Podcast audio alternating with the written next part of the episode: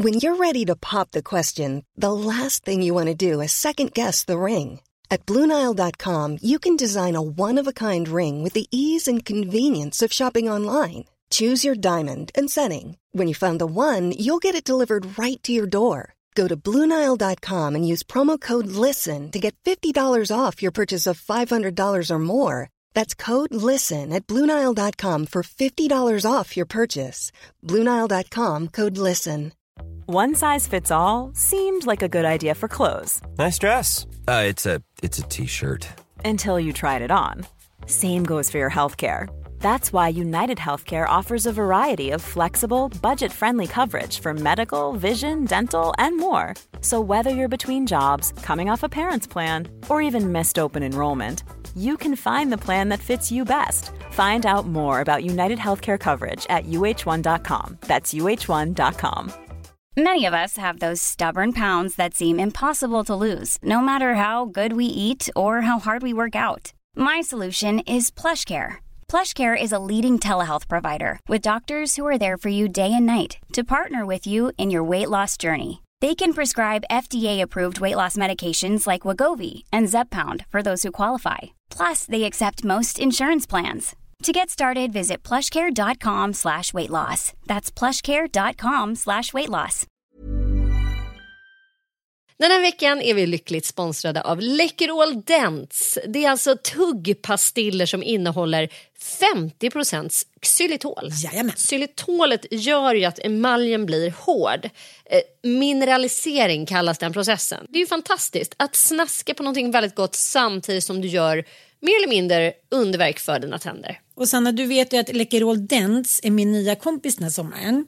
Mm. Och det passar mig perfekt för du vet ju också att jag är en pastillmänniska utan dess like. Jo tack, jag har märkt det. Mm. Det har jag i rakt nedstigande led från farmor Inga som jag tror aldrig har setts utan en Läkerolask på Katrineholms gator. Sa det där uppe. Kanske finns hon i himlen. Kanske finns, har hon med sig sina pastiller i himlen? Troligtvis.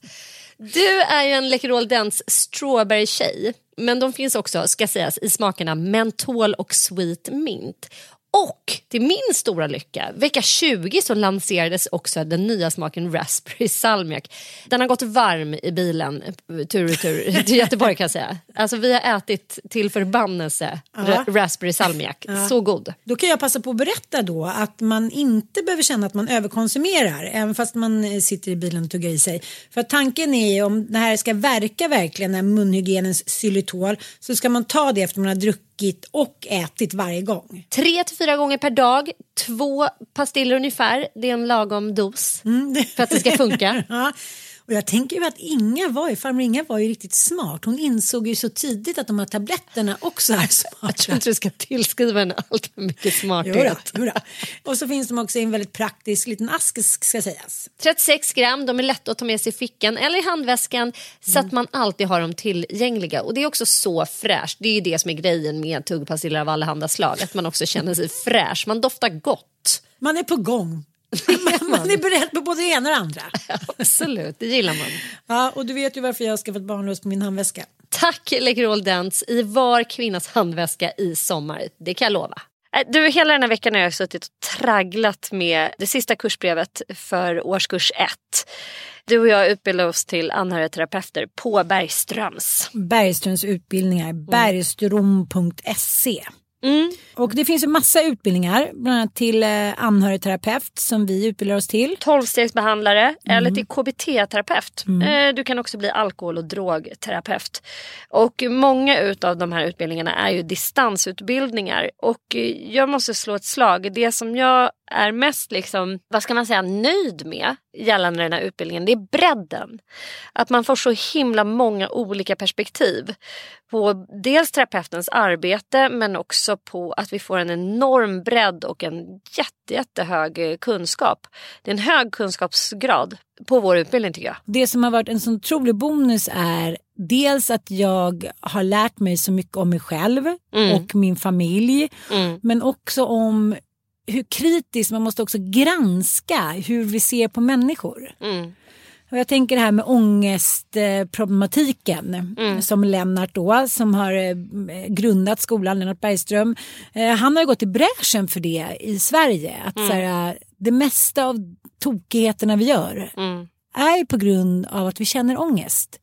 Och när man identifierar det då kan man också ganska lätt urskilja när man vill bearbeta sin ångest och vad som händer då med ens gränslöshet till exempel. Ja, och att så pass många beteenden är försvar eh, mot ångest. Och att vi har så dålig kunskap om ångest generellt. Mm. Så att det är så många barn och unga, och inklusive mig själv, som när man känner ångest för första gången så tror man ju typ att man håller på att dö. Ja. Mm. Alternativt att man är sjuk eller att man håller på att bli galen.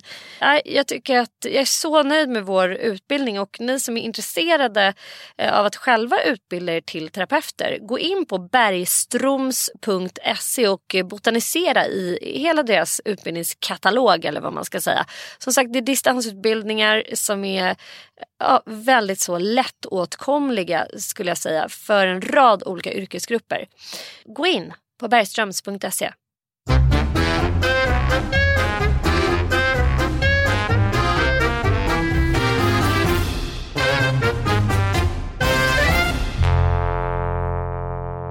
Hej och välkomna till Inte din morsa. Hejsan svejsan. Jag eh, känner mig djupt besviken, vilket man bara kan göra när godis är gammalt. Nej, men på det där liksom, när man har triggat igång en, så här, oj, en belöningsruta i sitt huvud. Och så ser man den där chokladen och så tänker man så här, ja det är bara några rutor kvar. Den kanske hon vill ha själv. och så blir man så här greedy och så slutar så här, åh var det en god choklad? Så här, Smaka du, den var lite gammal. Och så tänker man så här, det kommer ändå vara gott. Och så, så tänker man så här, men bara jag tuggar lite på den här chokladbiten så kommer den bli krämig och så här.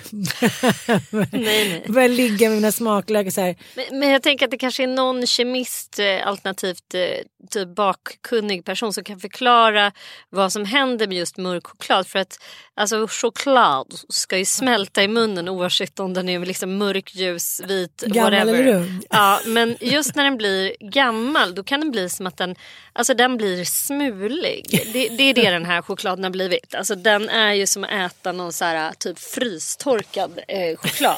N- den, och den har kanske en liten hinna då på sig också. Ibland kan den ha, du vet en sån här liten vitaktig hinna. Äh, jävligt eh, onödigt köp.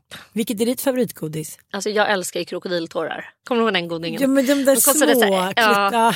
Ja. Men, fy fan, det är bara vissa såna här jättegodisbutiker som har, har dem. Ja, liksom. väldigt få. Ja, det, det, Krakow. ja, det är liksom så man får hitta Putins dem. favoriter.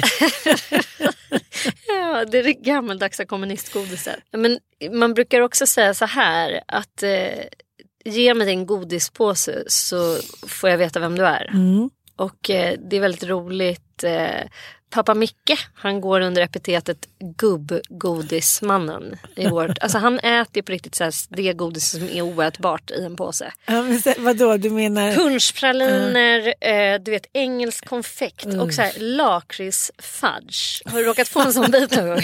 Det skulle han bli så här, på riktigt så tårögt glad om jag kom hem med en påse lakritsfudge. Ain't gonna happen.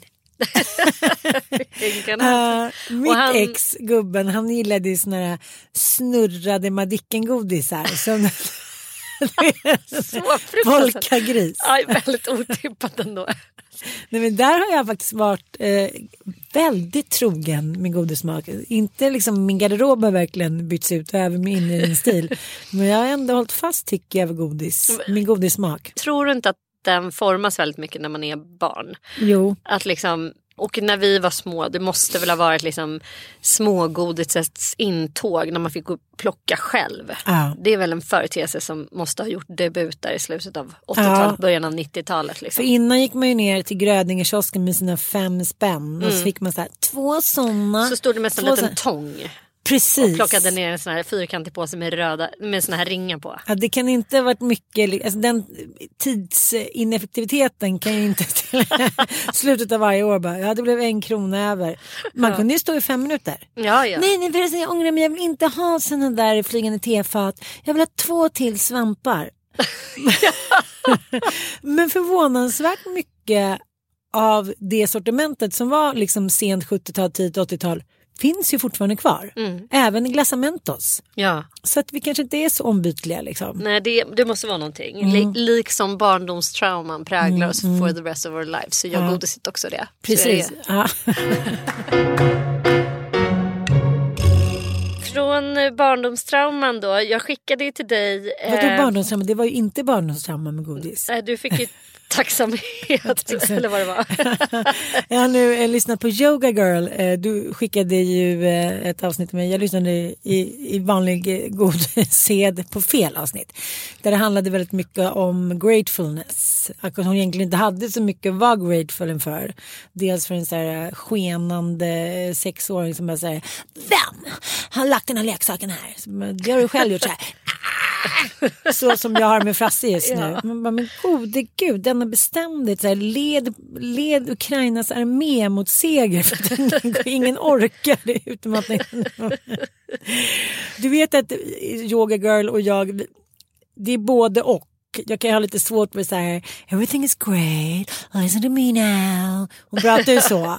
Och hon fnissar till lite. Men ändå så lyssnade jag på en timme och fyra minuter och kände mig så här, var det här avsnittet som ändrade mitt liv just nu? Hon har ju någonting otroligt skicklig på så här, small talker with deep innehåll typ.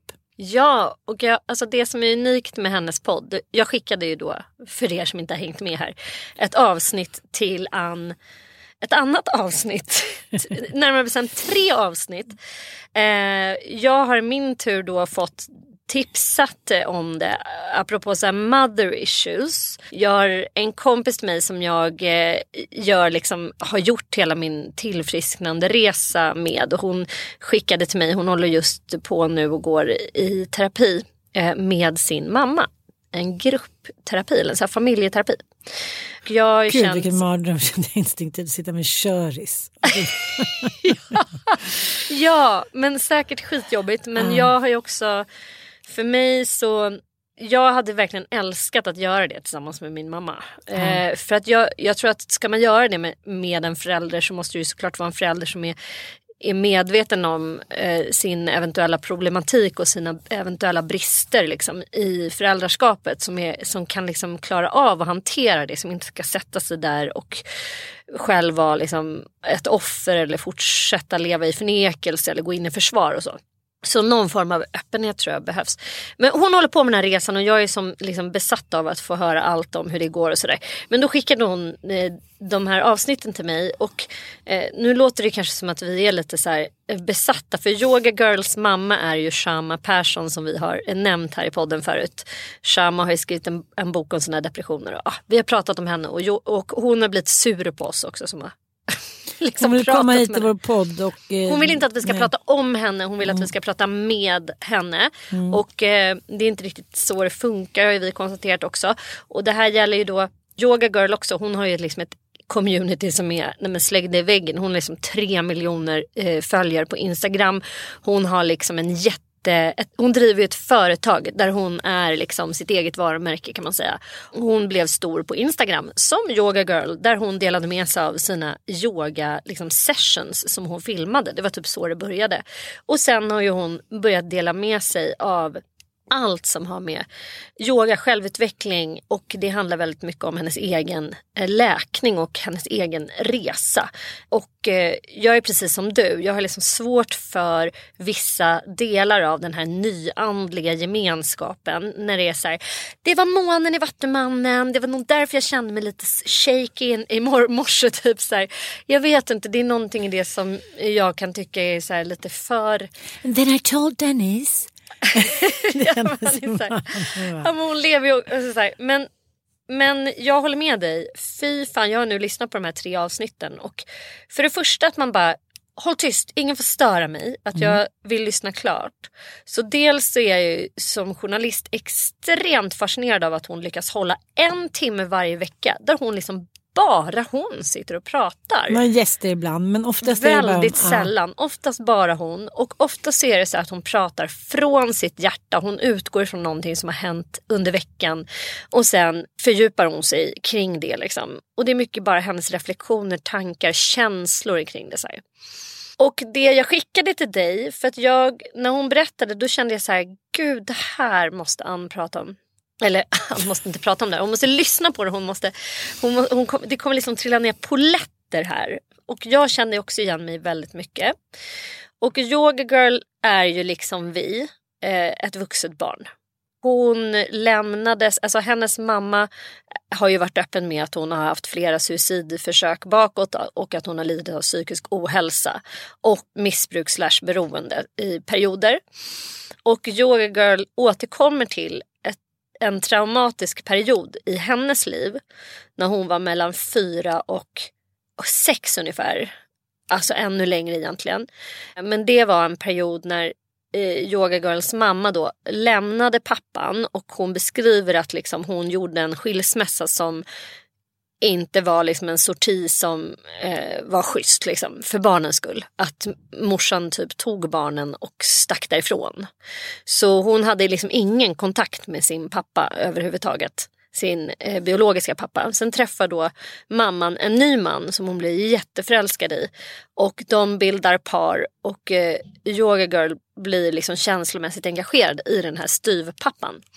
Men han dör i en flygolycka. And what came up for me when I was really sitting with this and breathing into this was I can remember being her age and she's coming coming into this really critical age ancestrally or generationally in terms of what I went through when I was little, right when I was four and a half, and she's going to be four and a half in a couple months. When I was four and a half, my stepdad passed away in this really tragic.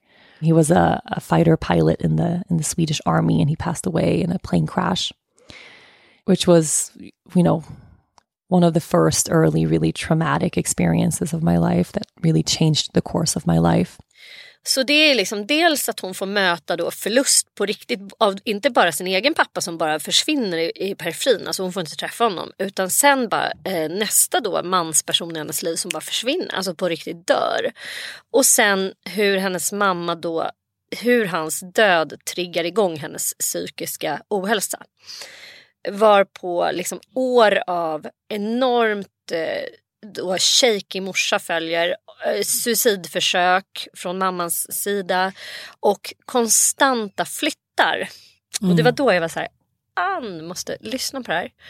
Eh, hur hon liksom rycks upp och liksom grundtemat för den här podden som eh, det handlar liksom om att hon brottas med att hon har flyttat till Sverige och är det här rätt? Mm. för Leas skull, alltså för hennes dotters skull och för Dennys skull. Bara för att hon så gärna vill flytta hem från Västindien till mm. Sverige. Men tänk om hon orsakar sitt barn eh, samma så här, rotlöshet och samma känsla av att liksom, mammans mående är viktigare än barnet. Så eh, liksom, hon resonerar kring det och sen så hamnar hon då i det här traumat när hon beskriver sin mammas liksom brist på förmåga att förstå hur det här har påverkat henne. Och eh, det som då har lett till att hon inte haft kontakt med sin mamma på väldigt länge och så har det tydligen varit i perioder i, i under hela hennes liv. Men det hon beskriver som det svåraste i att eh, hitta liksom tillbaks till en relation det är att mamman och inte pappan och egentligen ingen som har orsakat de här traumorna har varit förmögna att be om ursäkt. Eller bara kunnat liksom acknowledge att det här har påverkat henne så mycket. Mm. Och det, för fan vad jag eh, kände så igen mig så jävla mycket. Och hon berättar också att hon aldrig har kunnat eh, närma sig den känslan. För att i den yogiska communityn, liksom varje gång man lyssnar på någon så random yoga gubbe liksom från Indien så är det hela tiden så här make peace with yourself. Typ så här, eh, är du arg? Ah, vem, är det, vem drabbar det egentligen? Bara dig själv. Mm. typ så att, man liksom, att gå runt och vara arg, bitter, ledsen, eh, traumatiserad. Det skadar liksom bara en själv. Så bara förlåt, gå vidare. Eh, tänk att de här människorna är för... De är så små och de är så oförmögna att eh, ta ansvar över både sina relationer och sitt eget mående. Och du måste förlåta dem för det och gå vidare. Och hitta peace within you.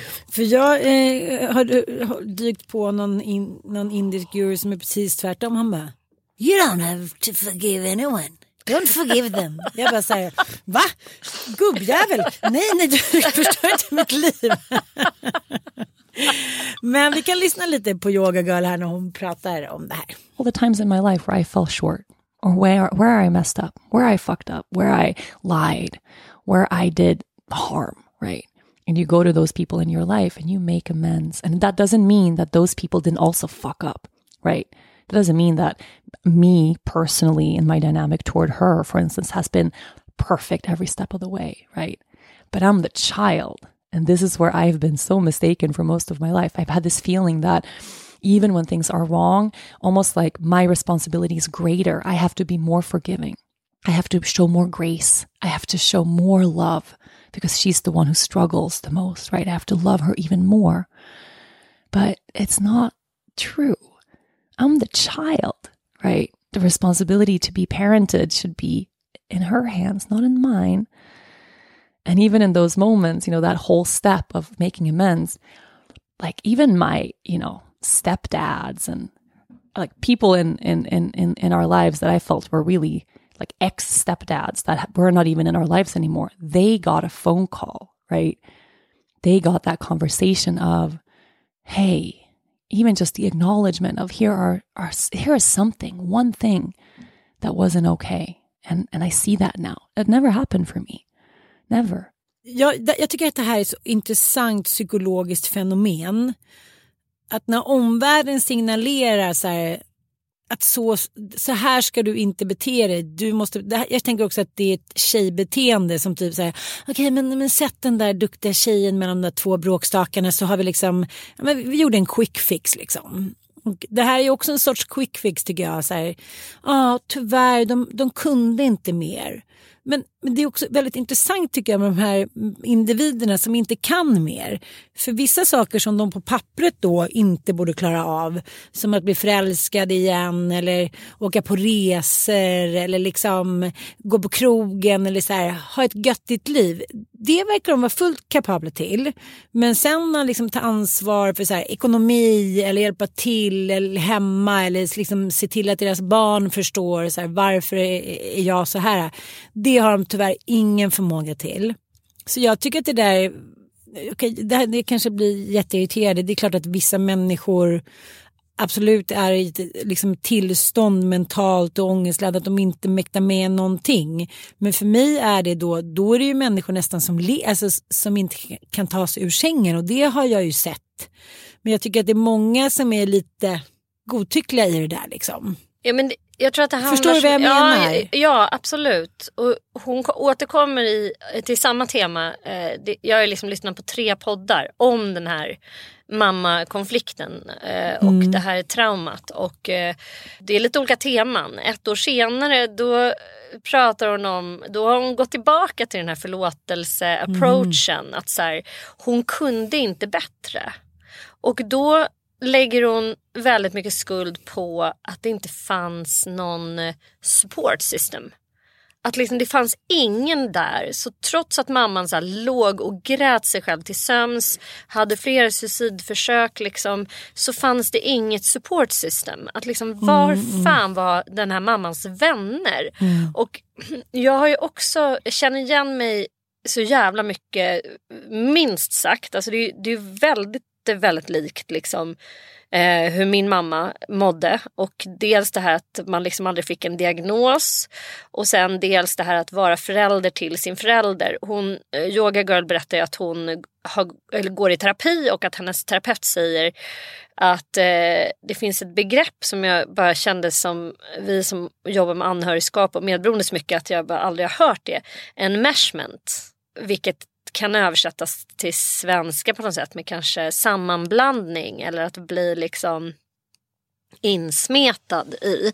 Och det är ju ett begrepp inom systemteori och familjeterapi liksom där en person i, ett, i en familj blir liksom helt in, inblandad i eller ska, sammanblandad med en annan person. Mm, så att man känner den andra personens känslor och, man, och det är väldigt vanligt att barn då till dysfunktionella föräldrar eh, blir liksom, eh, Yoga Girl berätt, eh, beskriver det som att hela hennes eh, person är så präglad av att hon ska vara den stora hjälparen. Om man tittar på hela hennes eh, värv så handlar det ju om det. Att hon ska liksom finnas till hands för alla, hon ska komma med lösningar, hon ska tala om för folk hur de ska göra för att må bra. Jag bara, hon liksom, ja, jag bara kände, ja.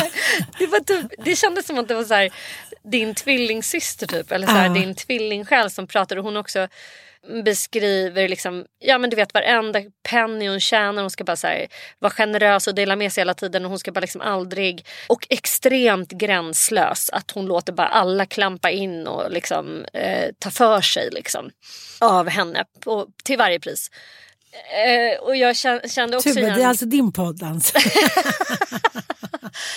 Hon, eh, eh, ja, du, du måste få lyssna på det där avsnittet för hon pratar ju sen också om den här rastlösheten och otryggheten som jag kände att så här, det var det jag ville dela med mig av till dig för att du är ju eh, också en rastlös människa och en flyttfågel och liksom har grejer igång hela tiden. Men det som jag kände att Yoga Girl har liksom hittat bakom allt det där det är en sån otrolig otrygghet. Att hon har liksom hon bara, vad, vad är det jag känner när jag måste vara stilla? Och då beskriver hon det som att så här, det är terror. Det är bara en känsla av terror. Jag kan inte peka på några enskilda tillfällen men det är liksom det som är trauma. Och det är det liksom när hennes barndomstrauma blir triggat så är det en otrolig känsla av eh, terror. Det är så hon beskriver det, terror. Och, eh, och bara en känsla av total otrygghet. Så hon har väldigt mycket så kontrollbehov. Hon beskriver liksom hur det här barndomstraumat kan poppa upp. Eh, framförallt i situationer där hon ska vara på resande fot, där hon ska flytta, där hon blir som påmind om allt det här som hände under de här väldigt så formativa åren i hennes liv där hon borde få känna sig trygg. Och det naturligtvis triggas också av att hon har ett barn som är i den åldern när man själv var liksom i det här sårbara tillståndet. Det jag känner för min egen del som jag också så här, Alltså hon beskriver också hur hon hela tiden har blivit fostrad till att vara sin mammas då hjälpare, räddare. Eh, liksom. Ja men visst, så här, hon, hon beskriver en flytt. Så här, hur mamman löser allting genom att flytta hela tiden. Eh, Känner du igen dig? Nej, men jag bodde ändå i min förra lägenhet i sju år. Jag vet inte. Jo men när det du var utflykt, liten. det en liten utflykt. Ja, När då du jävlar liten, flyttades ja, det. Och då beskriver hon hur mamman är så här, ja men nu ska vi flytta och hon känner enorm otrygghetskänsla att hon då ska flytta och hamna i en ny klass men att hon är tvungen att svälja det för att om hon visar för mamman att hon inte alls är sugen på att flytta då blir mamman triggad och upprörd. Och det är det jobbiga. Och då, så mamman liksom, hon hela tiden försöker locka att det här ska bli någonting kul. Allting kommer bli så himla bra. När vi väl flyttar då kommer allt lösa sig. Allt kommer vara underbart. Så, här. så det är hela tiden liksom att hon ska pynta och göra nytt i det här hemmet. Och bara kolla nu vad vill du ha för färg i ditt nya rum? Och hur hon då så tidigt lär sig att låtsas att vara entusiastisk inför det här flyttandet som hon egentligen tycker är så jävla jobbigt. För så kände jag ju aldrig. Utan, eh, jag rymde ju och jag liksom... Eh, ja, för att jag ville inte flytta från Stockholm till Jönköping. Nej men jag menar det. Ja, men när jag väl var där tyckte jag att det var toppen. För det var lite som jag träffade en kompis igår. De har flyttat till Norge. Och hon sa det. Du förstår inte. Alltså Stockholm är the shit för norrmän. Sen hennes dotter, sen när hon kom in på skolgården. då är det så här. Då kommer liksom alla springande och så här, typ slåss om att få leka med henne. Hon är liksom så, så poppis. Kommer Kom från Stockholm, är det Stockholm va? Eftersom de har så få invandrare så är det inte heller liksom det är, ingen, det är inte särskilt PK där utan man kan säga lite vad som helst. Så det är lite som början av 90-talet liksom. Mm. På förskolan så får de då två rostskivor med någon form av liksom, liksom bucklingpastej till lunch. Och då säger min kompis så här, det här, hur funkar det här? För jag tänker så här, på eftermiddagen eller liksom redan en timme efteråt så måste ju deras blodsocker Alltså det är två skivor vitt bröd och böcklingpastej. För att inte, blir inte barnen bråka på eftermiddagen? Akkurat, vi har mycket problem med det. Att det liksom... De har så mycket pengar. Så det är så här, de behöver aldrig se orsak och verkan. De är så här, jaha, nej. Men jaha, den här akkurat. konstiga macklunchkulturen är ju enormt utbredd i liksom alla andra nordiska länder. än Men jag här. såg en bild. Jag Alltså- kan ändå förstå så här, och, om man kan få lite så här göttiga pastejer och ostar. Och liksom, Smörrebröd i Ja Danmark. precis. Ja, Men det här var liksom på riktigt. Och det här var ändå en- liksom en bra förskola. Ursäkta uttrycket. Det är kanske bara i Norge. Men det var liksom men några skivor för alla. Och sen så var det några tuber böcklingpastell. Och som några gurksluringar. Ja, det, det var det de skulle liksom leva på. Du vet ju, alltså Frasse, igår tror jag att han åt tre gånger. Först så åt han en crepe och sen skulle han ha köttbullar och makaroner. Sen precis innan han skulle gå och lägga sig då hade vi spelat lite fotboll igen och då skulle han liksom ha... ha han är så hungrig hela tiden. Tänk om han då varje dag skulle äta två små... Ja, men det var ändå roligt att höra om, om norrmännens matkultur också. Men vad har det med, med flytten här att göra? Nej det vet jag inte. Jag bara tyckte att det var så himla roligt när hon beskrev där att de sitter i sina Gucci, de har så mycket pengar och sen drar de in en pizza. Pizza är väldigt stort. Och sen kör de liksom med ketchup och är såhär, åh så gott det var va? Att jag, jag vet inte vad jag vill säga.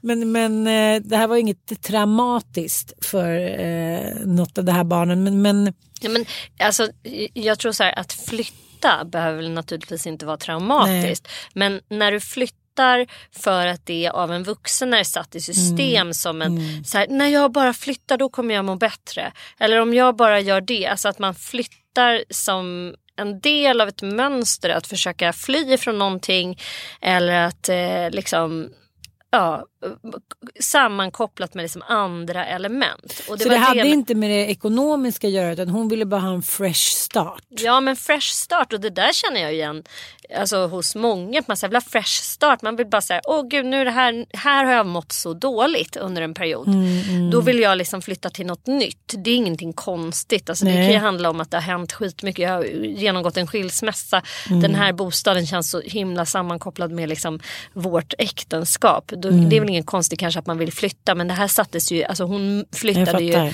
och flyttade. Det gjorde ju Anna Wahlgrens mamma också. Bara flyttade med alla de här ungarna hela tiden. Och Yoga Girls mamma hade också ganska många barn liksom, och skulle flytta runt då. Och för henne så eh, Framförallt det som var viktigt det var att liksom hon kände inte att hennes behov respekterades. Alltså att barnets behov är sekundära jämfört med mamman. Och det där är också en sån jävla floskel tycker jag. Att det är så här, jag vill lära mina barn att jag sätter mina behov främst.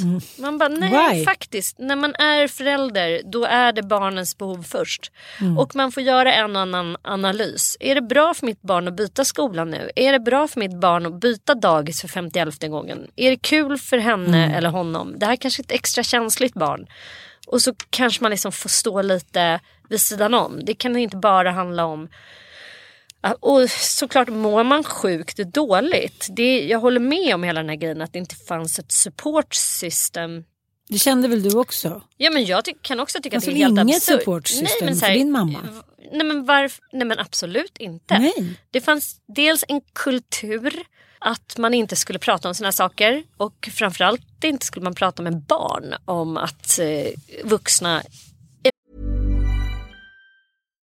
One size fits all seems like a good idea for clothes until you try them on. Same goes for healthcare. That's why United Healthcare offers flexible, budget friendly coverage for medical, vision, dental, and more. Learn more at uh1.com. There's never been a faster or easier way to start your weight loss journey than with PlushCare. PlushCare accepts most insurance plans and gives you online access to board-certified physicians who can prescribe FDA-approved weight loss medications like Wigovi and Zepbound for those who qualify. Take charge of your health and speak with a board-certified physician about a weight loss plan that's right for you. Get started today at plushcare.com slash weight loss. That's plushcare.com slash weight loss. plushcare.com slash weight loss. A lot can happen in three years, like a chatbot may be your new best friend. But what won't change? Needing health insurance. United Healthcare Tri Term Medical Plans, underwritten by Golden Rule Insurance Company, offer flexible, budget friendly coverage that lasts nearly three years in some states. Learn more at uh1.com. Ready to start talking to your kids about financial literacy? Meet Greenlight, the debit card and money app that teaches kids and teens how to earn, save, spend wisely, and invest with your guardrails in place. Parents can send instant money transfers, automate allowance, and more. Plus, keep an eye on spending with real time notifications. Join more than 6 million parents and kids building healthy financial habits together on Greenlight. Get your first month free at greenlight.com slash ACAST. That's greenlight.com slash ACAST. emellanåt kunde vara deprimerad eller må dåligt eller må piss eller begå självmord. Och det är liksom också det som blir så jävla absurt att så här, den främsta rädslan för ett barn är att förlora sin förälder. Det är liksom den första begripbara så här, förlusten som man kan tänka sig. Mamma eh, eller pappa, tänk när ni dör. Och det märker man liksom, så fort barnet får ett språk så är den typen av oro som, som kommer. Liksom. Och när det då blir ett så faktiskt, en faktisk eh, rädsla, då blir det ju liksom oöverstigligt eh, svårt att hantera för någon som är 4-5 år. Att så här, ja, men det kan faktiskt ske. Det är inte bara en rädsla jag har som någon kan trösta mig ifrån utan det kan faktiskt ske.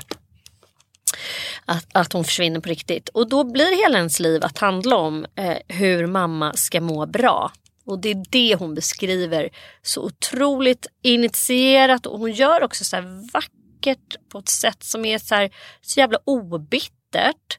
Samtidigt som hon vägrar att acceptera den här yogiska inställningen av så här, the, the great forgiveness. Typ. Leva liksom obitter utan att hon bara säger nej, jag var barnet. De var de vuxna. Hon riktar ju sig till båda sina föräldrar. Att hon liksom tycker att de inte har givit henne någon förlåtelse.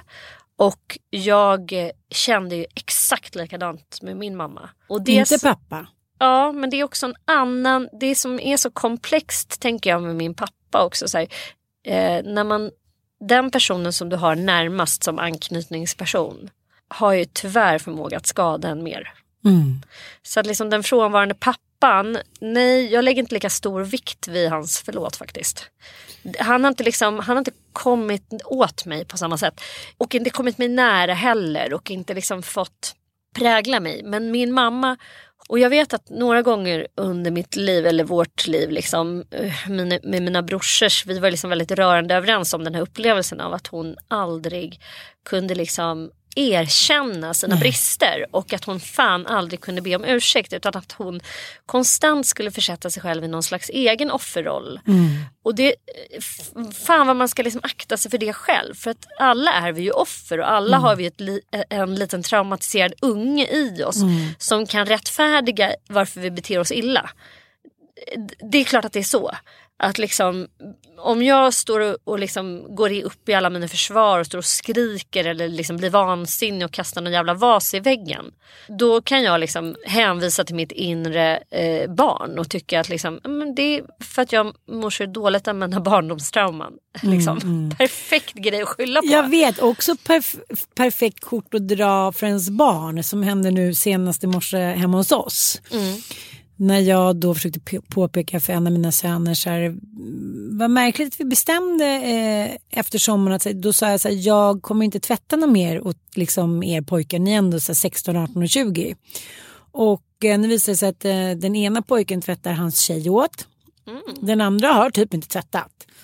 Och eh, den tredje jag bara kapitulerade inför, jag bara, "Nej, men jag tvättar. Då var hans förklaring till att det var inte strukturerat nere i tvättrummet.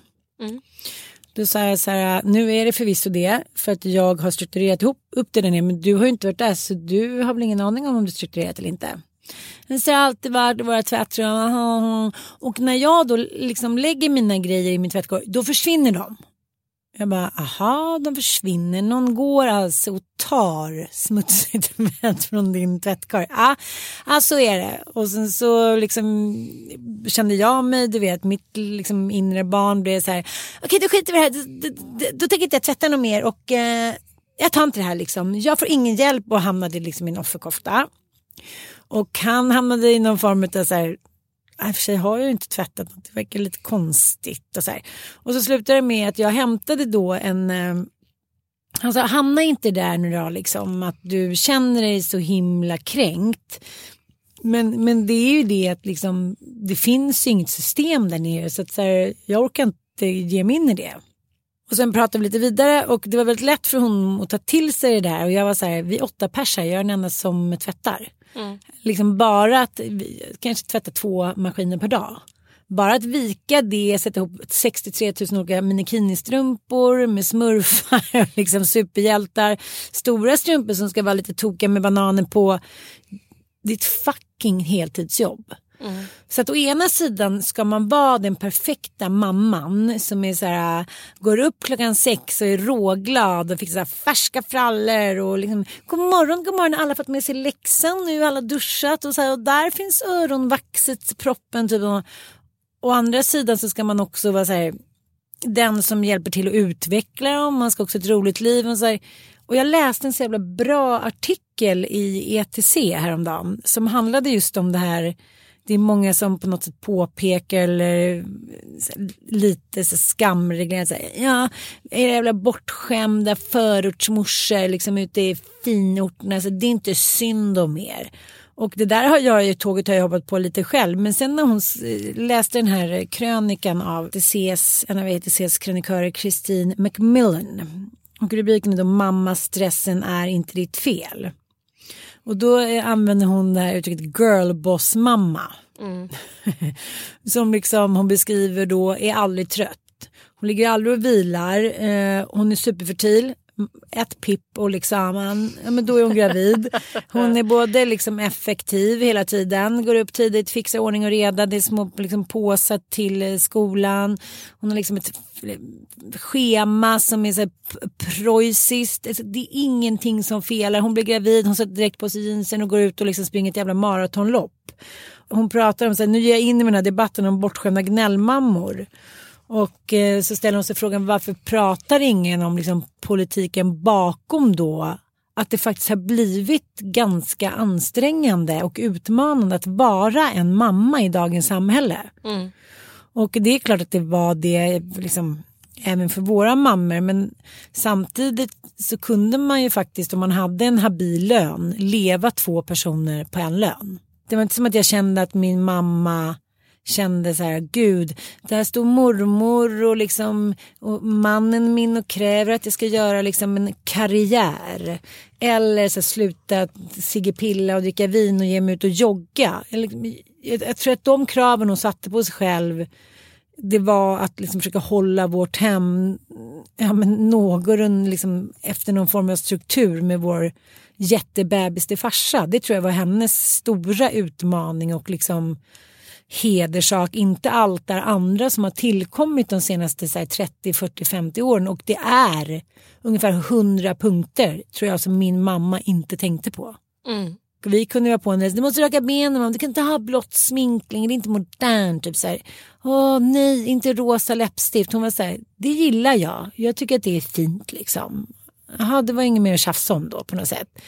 Och det här med inredning, hon var jätteduktig. Vi var, men vad ska jag göra? lite miniomtag här. Fixa lite, klippte lite. Hon köpte så här rea, kavajer vek upp lite, såg ändå flawless ut. Men det var liksom ingenting som behövde vara perfekt. Uh, och Kristin beskriver att hon, uh, hon känner verkligen hela tiden att hon borde vara en ännu bättre mamma. Mm. Och att så här, ligger man på soffan, då är så här, där ligger mamma på soffan. Och det kan jag också känna hemma, så här, när de få gånger som jag ligger på soffan, typ en gång var, var tredje år, då blir det lite oro liksom, i flocken. Så här, Hur är det mamma? Så här, är det bra? Vill du ha någonting? Då tror ju de antingen att jag är så här, på väg att schappa. Mm. Eller att jag håller på att bli riktigt svårt sjuk. För de har ju aldrig sett mig sjuk. Mm. Och det var också det som hände när jag dels gjorde min eh, fiffi-operation och sen sydde ihop magen. Det var ju skräckblandat för dem att se mig så här. Nej, nej jag, kan inte, jag kan inte ligga, jag måste, jag måste, kan inte gå. Jag kan, jag, liksom att jag var inkapaciterad. Det var chockartat för dem. Mm.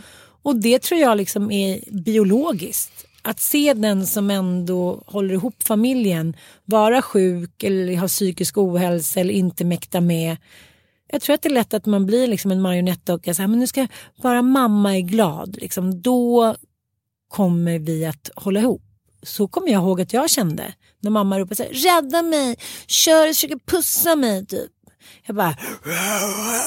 Det var som att jag var en Don Quijote med så här, liksom plastsvärd. Så här, mamma får inte råka ut för någonting. Det var liksom mitt viktigaste uppdrag. Att så här, skydda min mamma och min syrra. Och det var också från så här fem, sex års ålder som jag fick det uppdraget då. Och det var liksom ingen som... Men jag hade Ja. ju liksom det jag inte alls kände igen mig med Yoga Girl. För att hennes strategi om man tänker på liksom den här rollfördelningen i den dysfunktionella familjen. Alltså hjälten, eh, revolutionären, tapetblomman. Eh, vad har vi mer för roller? Clownen. Clownen liksom. Ja, det är de fyra som är Ja. största. Ja. Och Yoga Girl beskriver ju liksom verkligen den här hjälten. Att så här, jag fixar, jag donar, jag grejar, jag räddar, jag finns där, jag är glad för din skull. Om du är ledsen då kommer jag vara tiotusenfalt glad.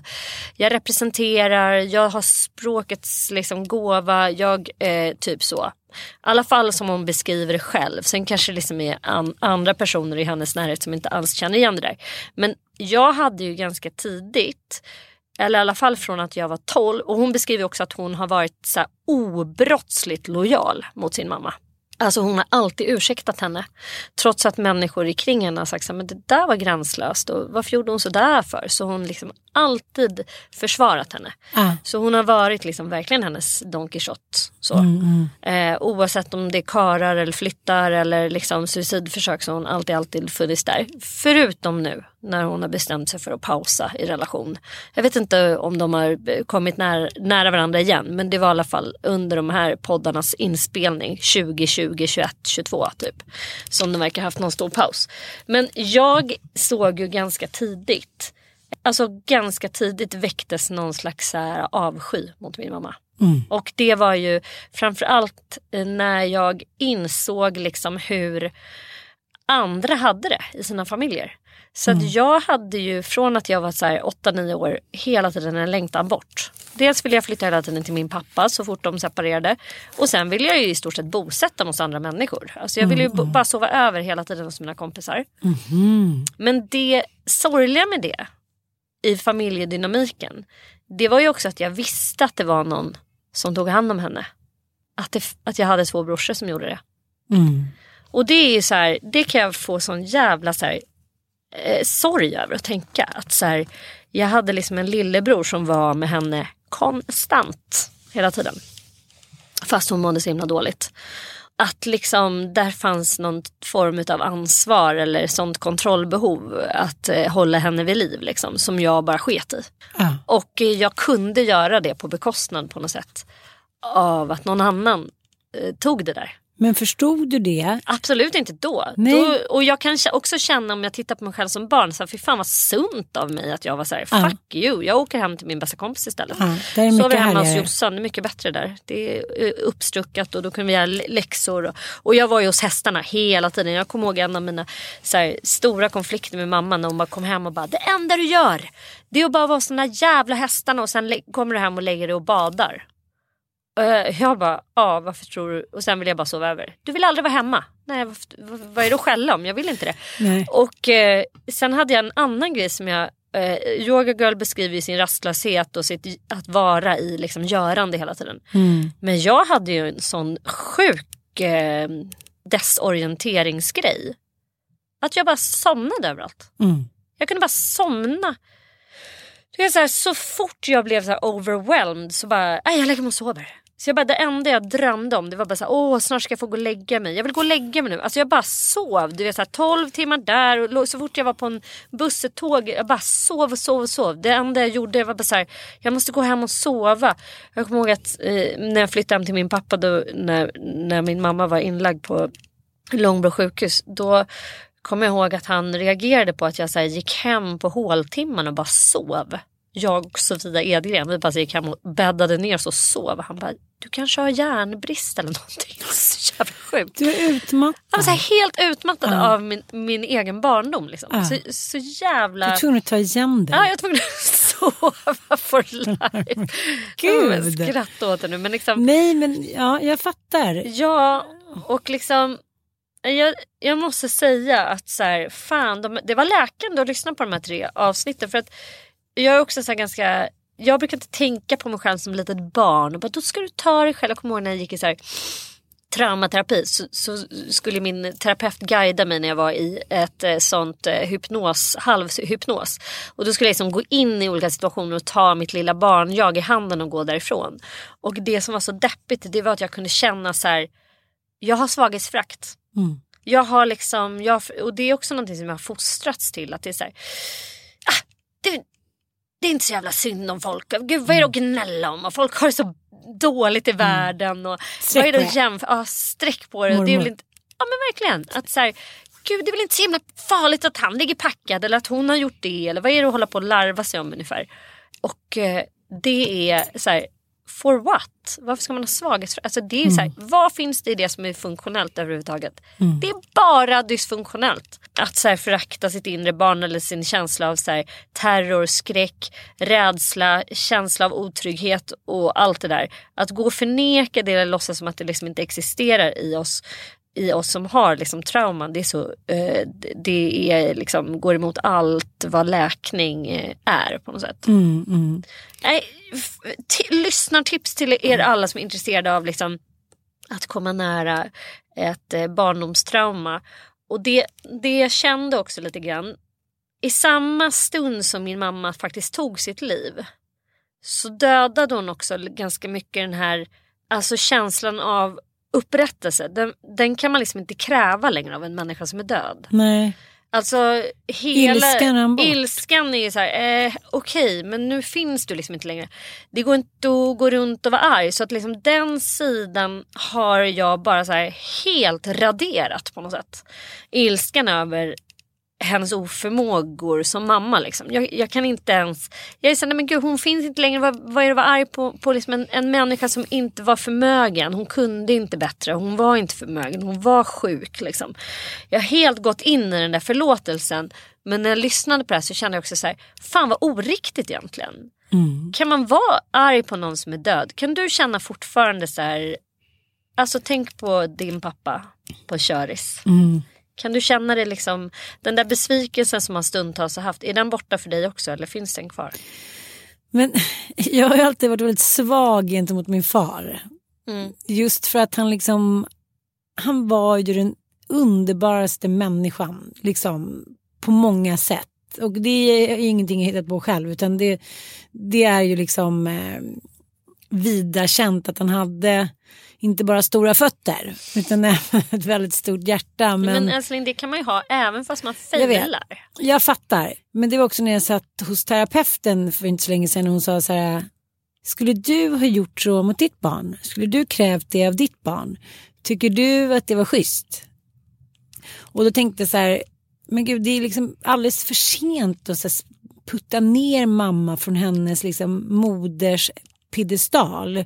Men samtidigt kan jag se det där att de, den energidräneringen som min far hade på min mamma. Dels för att hon liksom, den ofrivilliga mamman så här, blev på smällen för tid som en liksom gås. Och, så här, och sen tror jag liksom drogs in i det där livet med pappa som inte hade några verktyg. Eh, de kom lite från olika liksom klasser och bla bla. Att jag tror att hon var så ovan vid det. För hemma hos sina föräldrar som morfar Erik och mormor Kajsa som var liksom ordning och reda, löning på fredag. Även om de också levde lite över sina tillgångar har jag förstått efteråt. I stora våningar och med fina kläder och sådär. Så var det ändå så här, alla gjorde det de skulle. Förutom då, eh, ja men eh, en av familjemedlemmarna som hade då någon form av liksom bokstavskombination. Men det visste man ju inte då. Som då det fick liksom fixas och trixas med. Men att man hela tiden man gjorde liksom inte bort sig. Man blev inte för full. Man, eh, man eh, rodde inte iväg med grannfrun. Man hade moral och heder. Det, det är det som liksom många uppväxte i. Men inte bara då på 40-talet men även nu. att när den här gränslösheten på något sätt har fått fäste. Då lever man lite efter det allihopa. Man behöver inte ta ansvar. Det kan vara lite lattjo Vad fan, ungarna tycker det är kul. Det finns ursäkter för alla beteenden som inte är vuxna. Mm. Och det där tycker jag man själv kan liksom... Eh, eh hans, man, jag försöker verkligen se det hos mig själv. Så Okej, okay, det där kanske inte var så vuxet. Nu får du säga det till dina barn. Så här, Förlåt, jag skulle ha tagit mer ansvar kring det och det. Så här. Men att jag tycker att jag inte alltid lyckas men att jag ändå har ganska bra koll på det. Men sen finns det de här människorna som aldrig kan erkänna att de har gjort något fel överhuvudtaget. Och så lever tror jag i en bubbla för det, det kunde min pappa aldrig liksom e-, förstå. Jag, liksom, jag tror inte det handlade så mycket om att erkänna för honom. Men det var så här, jag som alltid har funnits där för dina döttrar och så här, till min syrra och jag som har gjort det. Då har han liksom skapat sin verklighet för att han är en person med så otroligt mycket ångest. Så att om han skulle släppa fram sådär, gå i terapi eller kanske på något sätt möta sina demoner så tror jag inte att han skulle klara det. Och eh, det var ju det som hände min pappa också att när han väl då fick höra var liksom hur min syrra tyckte att han hade varit Mm så kunde han ju inte ta det. Det var liksom too much. För hela hans världsbild raserades på grund av det samtalet. Liksom. När hon sa vad hon tyckte. Och det här tycker jag är så jävla svårt också. Ja, men jag pratar med terapeuter och man läser så här, människor som har psykisk ohälsa mår inte bättre av att man behandlar dem som sjuka och inte ställer ett jävla krav. Men till slut när man har ställt krav i liksom massa år och ingenting hjälper, då, då tänker man så här, varför ber inte hen om hjälp? Och det är så många gånger som jag tänkt människor när man tar så här konstiga beslut, inklusive mig själv. Varför ringer inte bara någon? Eller varför ringde inte min pappa bara någon? Så här, varför sålde han bara huset? Varför köpte han bara aktier för de där pengarna? Det är en stress, liksom. nu ska jag ställa allt till rätta. Nu gör jag lite hastigt och lustigt och sen är allt bra. Apropå flyttar och liknande. Så här. Då gör jag det här lite snabbt och sen så kommer vi leva happily ever after. Men det funkar ju nästan aldrig. Och det är det som jag tycker är liksom så jävla anmärkningsvärt. Så här. Testar vi igen. Det testar vi igen. Att människan är så otroligt liksom svårflörtad när det gäller att ändra beteende. Men jag tror också att den generationen är ju så här... Det måste ha varit svårare att ha så exploderande psykisk ohälsa som 40-talist och 50-talist. Tidig 60-talist också. För att så här, för det första så var det liksom inte alla mod. Alltså att ha psykisk ohälsa. Psykologin och psykoanalysen var på frammarsch. Som min mamma som inte fick liksom bipolär diagnos fast hon liksom var själv liksom påtalade vid sina liksom upprepade självmordsförsök att jag tror att jag är bipolär.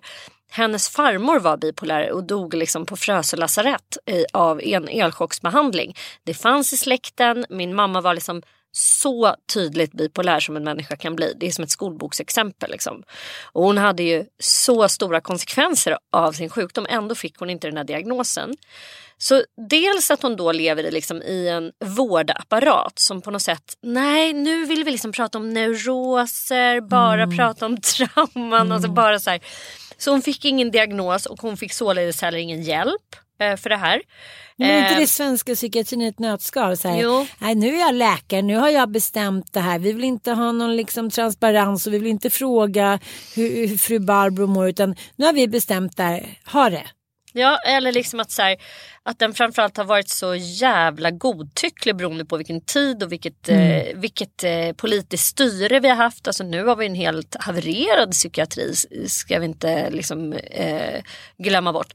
Men dels det här lite något flummiga så. Och sen också en tid när det är så här, det ska inte behöva vara så jävla liksom, jobbigt att vara morsa. Ta en cigg och bara ligg i sängen lite så här, tillsammanslivet växte ju de upp i. Ja, Och för ta man ska inte hålla på snack, alltså, och, bl- och sen blandning också av den äldre generationens eh, idé om att man ska inte prata om svåra saker. Överhuvudtaget. Överhuvudtaget. Utan, och samtidigt så levde de liksom ett liv med så här ungdomskultur på så, här, så fruktansvärt stor frammarsch. Att alla ville liksom bara vara så här teenagers for life egentligen och inte ta något ansvar alls.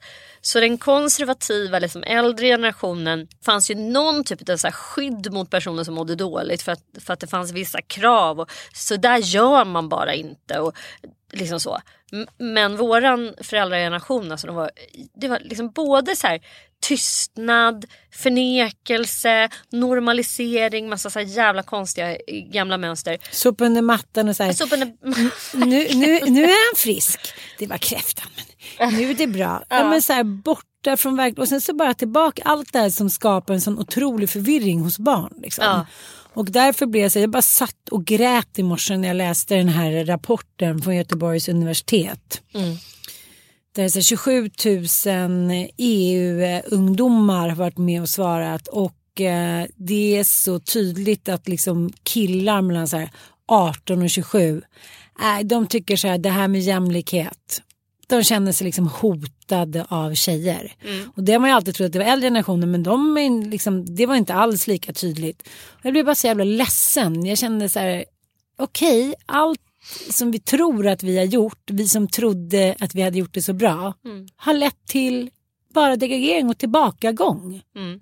Det, liksom, det gör mig så otroligt ledsen. Jag känner så här, nu måste man ta men, om inte nästa generation kvinnor också ska hamna i det här att ja, du ska inte tro att du är någon och psykisk ohälsa. Då är det bara så här, att sätta ner foten, europeisk fot, en jättejävla fot nu. Mm. Nej, Jag blev otroligt beklämd. Det var jävligt sorgligt tycker jag. Det är jävligt sorgligt att tänka sig att ett stort så här, jämställdhetsarbete det var någon som skrev någonting att så, här, nej, men så fort någon fråntas privilegier då upplever man ju sig som hotad. Mm, Men jag tror inte på det riktigt.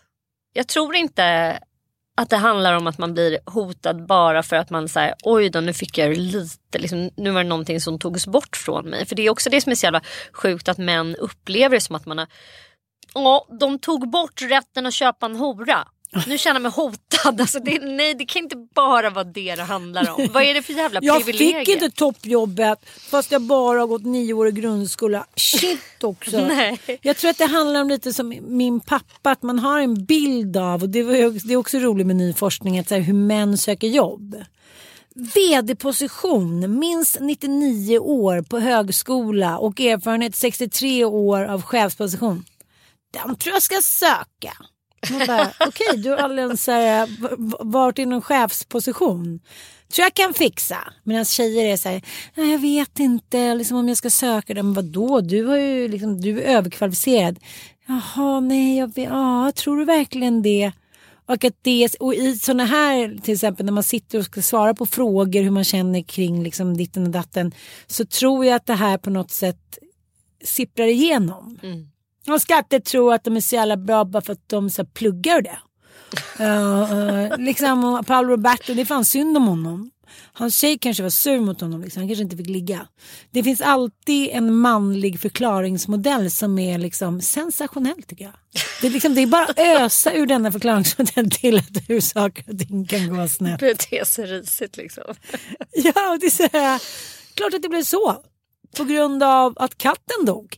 Och jag fattar att, att, liksom, att män aldrig har be- behövt stå till svars fram till för några år sedan. Så, att, så här, jag tror att vi har en lång väg att gå men att så här, den måste Ja, den, den måste uppmärksammas liksom. Och eh, jag tror att man måste så här, ta till drastiska åtgärder för att inte det här ska bli att så här, kvinnor lever, alltså, gränsen mellan Ukraina och Ryssland typ. Så här, kvinnor lever på ena sidan gränsen och män andra. För jag, just nu ser jag inte riktigt hur det här, liksom, jag tycker att det, överhuvudtaget att det är svårt att bli förenliga kvinnor och män just för tillfället.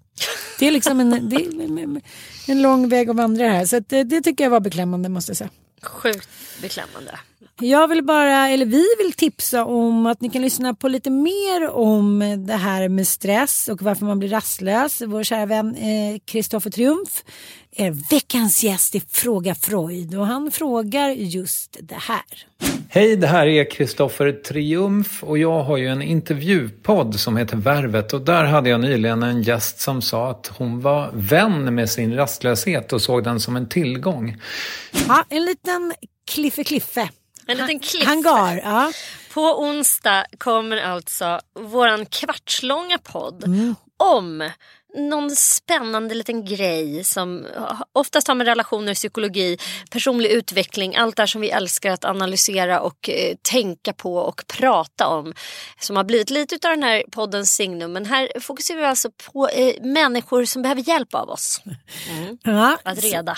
Precis, och nu ska vi hjälpa då, eh, på onsdag hjälper Kristoffer Triumf hur han ska komma till sams med sin rastlöshet. Lyssna då så blir vi jätteglada. Puss och kram! Puss och kram!